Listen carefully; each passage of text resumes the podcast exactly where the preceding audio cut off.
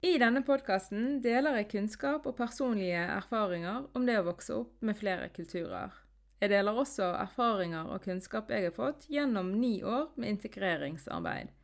Mitt mål er å øke kulturell kompetanse i samfunnet ved å diskutere hvordan vi kan møte og samspille med mennesker med annen kulturell bakgrunn enn det vi sjøl har.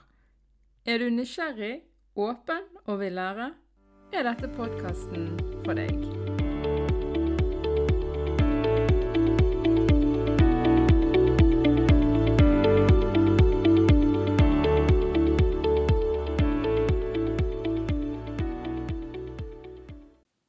Hei, alle, og velkommen til episode tre av Hvor er du egentlig fra? Ukens tema er tilhørighet og hva som kan skape eller hindre tilhørighet hos kristkulturelle personer. Før jeg snakker om det, så vil jeg gjerne reflektere litt rundt den såkalte Antonsen-saken.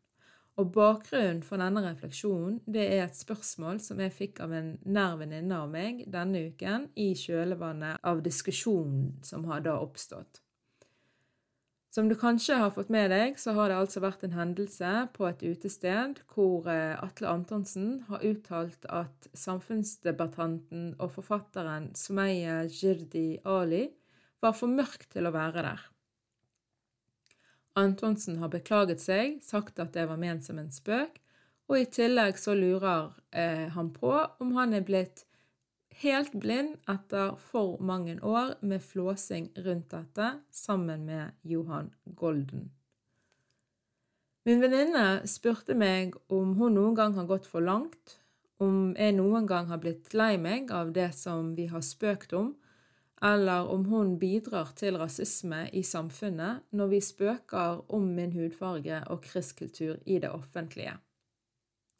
For dere skjønner det, i min vennegjeng så har vi etablert en humor og en sjargong der vi bl.a. tuller veldig mye rundt det at jeg i gåseøyne er en utlending. Vi tuller om at jeg er krevende og tverr fordi at jeg ikke spiser svinekjøtt. At middagene 17. mai-feiringen og strikkekveldene bonusmammaen i vår vennegjeng inviterer til, er egentlig en form for integreringsarbeid. Vi tuller med hvor vanskelig navnet mitt er å uttale. Vi tuller med at jeg hater å sitte på kafeer med sterk matsos, for da vil folk ute tro at jeg lukter fordi at jeg er en utlending. Og vi tuller med at selv om jeg er født i Norge, så fikk jeg oppholdstillatelsen ved at norske myndigheter slapp meg ut i skauen uten kart og kompass, og jeg vant orienteringsløpet, og dermed så vant jeg oppholdstillatelse. Vi tuller om at vestlandsdrakten min er en måte å fornorske meg på uten at det helt går, og at jeg driver med snikislamisering når jeg serverer hummus og falafel til mine venner. Vi tuller rundt min olivenfargede hud og mørke trekk, og vi tuller rundt min religion. Det gjør verken meg eller mine venner for rasister. Men ulikt Antonsen så har mine venner tilstrekkelig sosial kompetanse til å ikke overføre denne sjargongen eller denne humoren til folk som de ikke har en relasjon til, eller til folk som ikke deler denne formen for humor. Jeg sier ikke at Antonsen ikke er en rasist, men jeg sier heller ikke at han nødvendigvis er det på bakgrunn av hans uttalelse. Og jeg sier heller ikke at Sumeya ikke har rett til å føle seg krenket eller redd. Det jeg ikke har lyst til å gjøre, det er å dra et generelt og et automatisk og et absolutt likhetstegn mellom rasisme og uheldige uttalelser. Mitt poeng det er det at det er ikke alltid en sammenheng mellom nettopp uheldige uttalelser og rasistiske holdninger. Noen ganger kan man være ekstremt uheldig og bruke en sjargong eller humorform som ikke er passende, eller med noen som man ikke har en relasjon til, eller i hvert fall en etablert eh, form for humor med. Jeg vet dette er ikke populært å si, fordi at eh, hele den norske eh, offentligheten nå mener at Atle Antonsen var en rasist, og er en rasist. men jeg gir allikevel et alternativ til det jeg mener er blitt en veldig svart-hvitt-debatt. Eh, Når mine homofile venner tuller rundt stereotyper knyttet til deres seksuelle orientering, er jeg da en homofob? Når jeg har brukt svart humor for å overleve de tøffeste dagene i jobben min i barnevernet, er jeg da en undertrykker av sårbare grupper? Hvor går grensen? Ikke misforstå. Rasisme, diskriminering og mikroaggresjoner, det må vi, og det skal vi, få en slutt på. Et av målene med denne podkasten det er jo nettopp å bidra til mer kunnskap og mindre negative holdninger og rasisme. Jeg sier ikke at Antonsen ikke er en rasist, men jeg sier heller ikke at han nødvendigvis er det på grunn av sin uttalelse på bar bocca. Jeg tuller veldig mye rundt min egen hudfarge og religion uten at det gjør meg til en selvhater eller rasist. Jeg har imidlertid en sosial kompetanse nok til å vite hvor tid jeg skal ikke dra er det fordi jeg er utlending, spøken. Det er kanskje det Antonsen mangler, nemlig sosial kompetanse. Han mangler ikke nødvendigvis en grunnleggende respekt for mennesker med mørkere hud enn det han sjøl har. Når det er sagt, er det, som jeg sa i forrige episode, sunt og godt å ta en runde med seg sjøl og sine holdninger og verdier i ny og ne. Det jeg kjenner jeg bekymrer meg mye over, det er alle tilskuere som ikke sier noe. Den som tier, samtykker.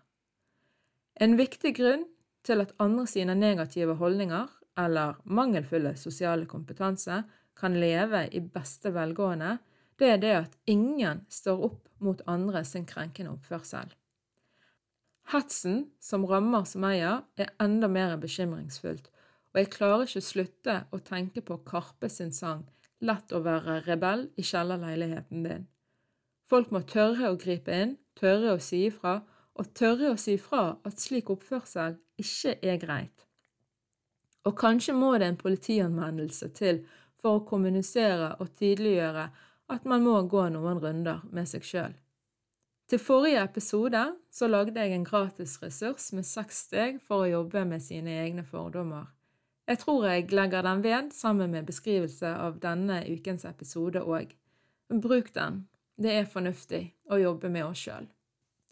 Da har jeg lyst til å snakke litt om hva som kan skape tilhørighet hos kristkulturelle, og hva som kan hindre det. Men hva betyr egentlig tilhørighet? Det er mange måter å definere det på, men i litteraturen om kristkultur så betyr tilhørighet hvor eller med hvem du føler deg hjemme. Og det er mange ting som kan påvirke ens tilhørighetsfølelse. Noen ting det er å være omgitt av mennesker som forstår deg, og som du forstår. Det er å være et sted en kan være seg sjøl, det er å være et sted man har et fellesspråk. Det handler om hvor en har sine nære relasjoner, om mat og tradisjoner, om en har innpass i samfunnet eller ikke. Tilhørighet handler om å oppleve seg akseptert og anerkjent som den man er. Når man er krysskulturell, så kan hjem være flere steder. En kan nemlig føle tilhørighet til flere kulturer og flere plasser. Det handler nemlig om å ha vært eksponert for det som kan skape tilknytning, og det handler om å få overført røtter og arv. Det er ifølge Lill Salole ting som mat, krydder, lukter, lyder, språk, landskap, natur, klima, familie, venner, tenkemåte, væremåte, verdier, humor, tradisjoner, pass og nasjonalitet som kan skape tilknytning. Og Salole hun fremhever at særlig sanseinntrykk som lukter og lyder kan ha stor betydning for vår tilhørighet, og at eh, lukter og lyder kan òg utløse følelse av tilhørighet. Og dette med sanseinntrykk syns jeg er veldig spennende. Uh, og jeg måtte bare le av meg sjøl når jeg i sommer var i Sør-Spania. Jeg reiste rundt i Andalusia sammen med en av mine brødre. Vi hadde jo lyst til å bli kjent med, den, med vår historiske kulturarv. Spania var jo erobret av araberne for mange, mange år siden. Og araberne var der i Spania i flere hundre år. Og Andalusia, altså Sør-Spania, det er den, den regionen som har tatt best vare på den arabiske arven. Så vi, vi ville reise ned der og få med oss fotavtrykket da, til araberne. Og det var mye som gjorde at jeg følte meg eh, hjemme i særlig Granada og Cordoba. Det var blant annet steinhusene, det var arkitekturen, det var eh, landskapet, det var, var klima, det var eh, maten. Altså, jeg hadde aldri forventet at jeg skulle møte, møte på så mange restauranter som serverte arabisk mat. Det var teen som ble servert. Så det var veldig mange ting som gjorde at jeg, at jeg kjente en viss gjenkjennbarhet. Jeg kjente meg litt hjemme. Men så, det som var vittig, det var Så gikk vi altså forbi en søppelcontainer som sto i full fyr og flamme. Og det utløste en sånn akutt lengsel etter Palestina, og det utløste en sånn skikkelig hjemfølelse hos meg, fordi at dette har jeg sett veldig mange ganger i Palestina. Sant? Søppelcontainere som står i full fyr og flamme, og det var noe med lukten, det var noe med synet, som bare automatisk dro meg til Palestina. Og det måtte jeg bare le av. Altså en søppelcontainer som brenner, at det skulle utløse min tilknytningsfølelse. Da. Helt sprøtt. Men det sier jo noe om hvor sterkt sanseinntrykk kan ha for følelsen av hvor er hjemme. Og hjemme, det kan være flere steder. Det kan være de plassene og kulturene en føler tilhørighet til. Og det som da skaper tilhørighet, det er å kjenne seg igjen i ulike settinger og kjenne på et fellesskap og inkludering. En kan føle på tilhørighet til flere plasser eller til bare ett sted selv om man er kristkulturell. Og dette er òg noe som kan endre seg i løpet av livet. For eksempel så kan et internasjonalt adoptert barn som tidligere ikke har hatt noe tilknytning til sitt fødeland, velge å utforske sin krysskultur som voksen og å skape rom for flere av sine kulturer. Eller så kan en få en svakere tilknytning til en av sine kulturelle verdener seinere i livet, og så finnes det mange måter å beskrive sin tilhørighet på. For eksempel så er det noen som ikke kjenner seg igjen som kristkulturell. Andre vil ikke kalle seg norsk, selv om de er født i Norge og er en del av samfunnet, mens andre igjen kan oppleve tilknytning til flere steder og flere deler av seg sjøl. Her finnes det ikke noe som er rett og galt, alt er normalt. Men så er det òg noen ting som kan hindre eller forstyrre tilhørighet. Jeg forsto jo ikke at en del av den forvirringen som jeg har snakket om tidligere, som jeg opplevde som ung voksen, eh, og den følelsen av å ikke være en helhet, at det handlet om at jeg strevde med å finne tilhørighet i mine kulturelle verdener. Som barn så var Norge mitt hjem mens mine foreldre snakket alltid om Palestina som vårt hjemland. Jeg kjente ikke Palestina som mitt hjemland, for hele livet mitt var i Norge. Jeg forsto at mine foreldre var derifra, at våre røtter er derifra, jeg forsto at flere tradisjoner, maten vi spiste, musikken vi hørte, filmene vi så, og verdiene som ble integrert i meg, kom fra den arabiske kulturen vår. Jeg bare gjenkjente det ikke som mitt hjem, Som barn så følte jeg meg heller aldri utenfor. Sikkert fordi at jeg snakket norsk, jeg forsto de sosiale kodene, jeg var med på alt som alle andre var med på, sånn som turer, overnattinger og bursdagsfeiringer, og jeg hadde felles referansepunkter med mine venner. Jeg sang julesanger, bakte pepperkaker og spiste pinnekjøtt på julaften. Jeg feiret 17. mai med resten av klassen på skolen, og jeg gikk løs på påskeegget på påskeaften. Jeg så på Sesam stasjon, Huset med det rare i og Midt i smørøyet. Jeg kunne speile meg i det norske samfunnet, og jeg kjente meg hjemme. Men kanskje ikke helt fullstendig, fordi at jeg var jo norsk og noe attåt, som ikke ble anerkjent av mitt ytre miljø. Som ungdom så begynte jeg å kjenne på ubehaget når min opprinnelse skulle ettergås. Det rokket ved noe med meg, og det skapte ubehag uten at jeg helt visste hva det var for noe. Det at andre skulle påpeke min annerledeshet, altså navnet mitt, hudfargen min eller min såkalte etnisitet, det gjorde noe med meg.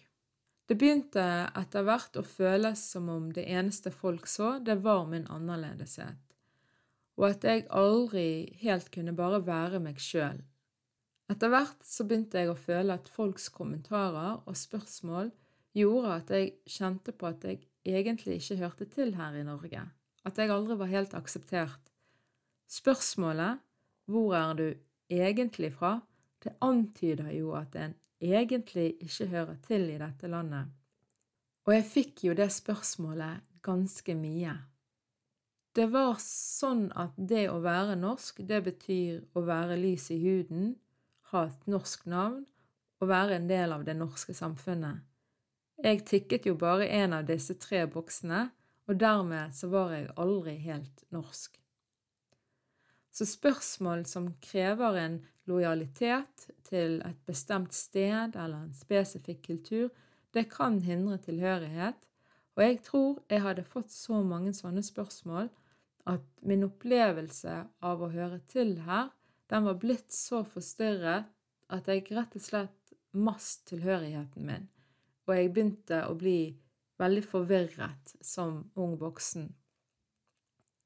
Og etter hvert så begynte jeg å kjenne mer og mer på at Palestina var hjemme.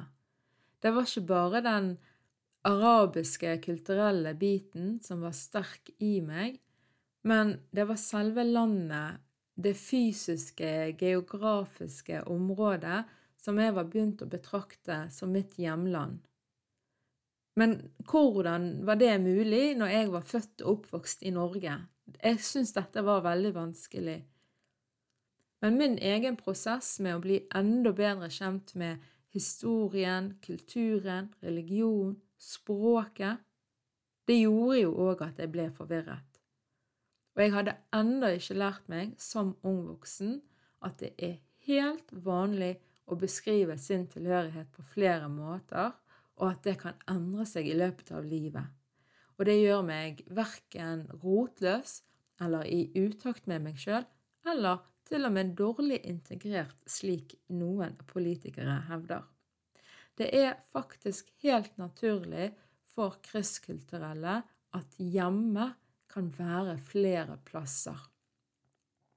Og et annet sånt spørsmål som, som kan forstyrre tilhørighet, det er spørsmål hva en er mest av. Jeg fikk ofte et spørsmål om hva jeg følte meg mest av. Var jeg mest norsk, eller var jeg mest arabisk? Og dette spørsmålet handler nok om nysgjerrighet på hvordan jeg håndterte min krysskultur, men ofte så opplevde jeg at det lå en forventning til hva som var rett svar og at andre krevde en lojalitet til min norske eller arabiske identitet. Og i min verden så var jo jeg både og, men mine ytre omgivelser aksepterte det på en måte ikke. Og det var tydelig når folk spurte meg ja, men sånn cirka hvor mye norsk tror du at du er? Sånn cirka hvor mye muslim tror du at du er? Noen ganger så er det sånn at det er araberen i meg som kommer tydeligst frem. Andre ganger så er det nordmannen som gjør det. Og andre ganger igjen så aner ikke jeg hva som er hva. Det er liksom bare meg. Det kommer faktisk helt an på konteksten jeg er i, og hvem som er rundt meg. Og jeg henter ulik kunnskap, ulike ressurser, ulike ferdigheter og ulik samfunnskompetanse ut ifra hvor jeg er og hvem jeg er sammen med, og jeg tilpasser meg omgivelsene. Jeg vil aldri klare å isolere meg helt ifra det som er det norske og det som er det arabiske i meg, fordi at det er jo bare en, en del av meg. Og det å forstå at det er helt eh, greit å være både og, det har tatt meg tid.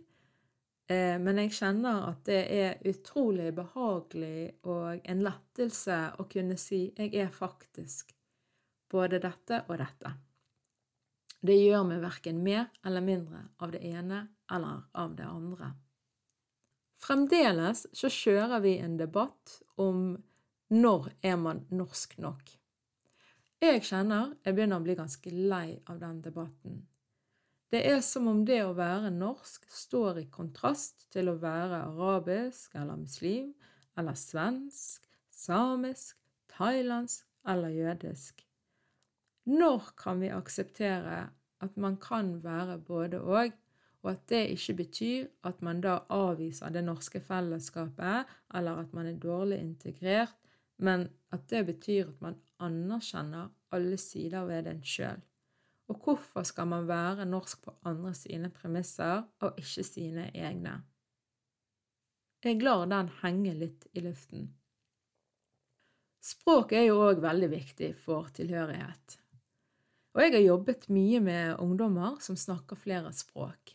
Og flere av de har i samtale med meg uttrykt glede og tristhet over at de er blitt bedre i norskspråket. Glede fordi at de forstår meningen bak ordene bedre, og at de bedre kan snakke sammen med andre. Men lei seg fordi at jo flinkere de er blitt i norskspråket, jo dårligere har de opplevd at de er blitt i sitt morsmål. Og når vi har snakket litt om denne triste følelsen, så har det kommet frem at det har handlet om å oppleve at man mister viktige deler av seg sjøl. Språk er jo med på å skape fellesskap eller utenforskap. Men det handler ikke bare om å forstå det som blir sagt, eller å kunne uttrykke sine egne tanker og følelser. Språk handler òg om å bruke en veldig viktig side ved seg sjøl, og det handler om å skape tilknytning. Og i verste fall, det som skjer når man ikke får brukt alle sider ved seg sjøl, som å eksempel praktisere språket sitt, så mister jo man tilknytningen. Og jeg tror at vi som et samfunn at vi blir fort opptatt av den mer praktiske siden av å bevare språk. Det handler om å bevare en måte å kommunisere med andre på, men det er minst like viktig å tenke på at språk det har òg en veldig viktig emosjonell del som kan påvirke identitetsutviklingen og tilhørighet til ens krysskultur. En annen faktor som har betydning for tilhørighet, det er å mestre de kulturelle og sosiale kodene i miljøene som man er en del av. Det er å eksempel vite eh, hva, det, hva betyr det å være høflig, hvordan fungerer dette samfunnet, eller å forstå hva man snakker om i en samtale.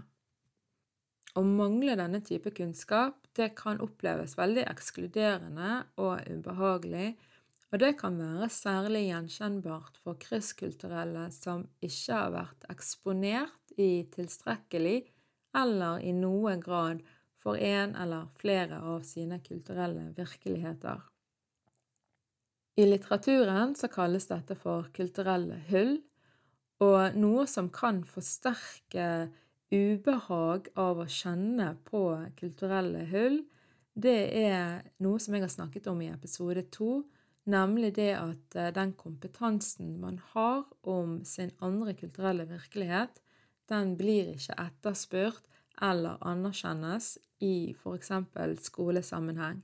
Så jeg tenker jo at her har barnehager og skoler eh, og andre offentlige instanser en, en, ganske god mulighet egentlig til å skape tilhørighet eh, hos kristkulturelle ved å på en måte løfte hele den kompetansen som kristkulturelle kan besitte. Også det å kjenne seg igjen i historier som fortelles i f.eks. For media, er med på å eh, skape tilhørighet.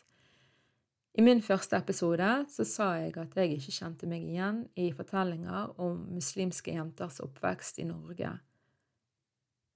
Jeg kjenner heller ikke igjen måten arabiske karakterer i filmer og serier blir fremstilt, og jeg kjenner meg i hvert fall ikke igjen i norsk journalistikk.